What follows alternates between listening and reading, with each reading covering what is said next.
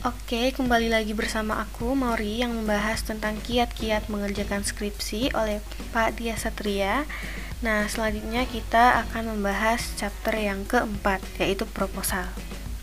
Secara umum, proposal penelitian berisikan tiga bab, antara lain pendahuluan, kajian pustaka, dan metode penelitian.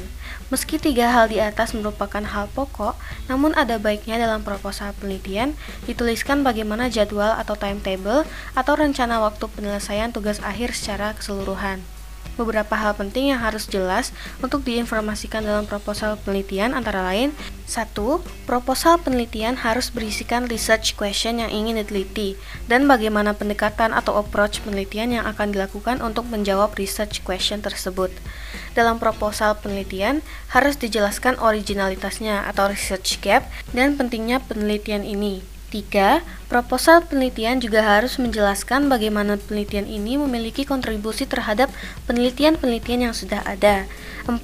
Dalam proposal penelitian harus berisikan sebuah persuasi secara implisit kepada pembimbing atas pentingnya penelitian ini dan kenapa Anda adalah orang yang tepat untuk melakukan penelitian ini. Sehingga dengan proposal penelitian ini, pembimbing akan dapat mengukur kualitas dan originalitas ide Anda, pengetahuan atau knowledge, dan kemampuan atau skill Anda dalam melakukan penelitian ini, feasibility of the research. Namun selalu renungkan bahwa lama waktu Anda dapat menyelesaikan tugas akhir, sehingga think carefully scope of the research dan persiapkan diri untuk merencanakan bagaimana penelitian ini bisa diselesaikan dalam waktu tersebut atau time frame tersebut.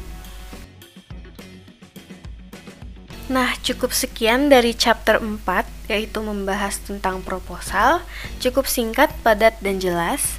Selanjutnya kita akan membahas kajian pustaka di episode yang kelima. Nah, sampai bertemu di episode kelima. Wassalamualaikum warahmatullahi wabarakatuh. Bye.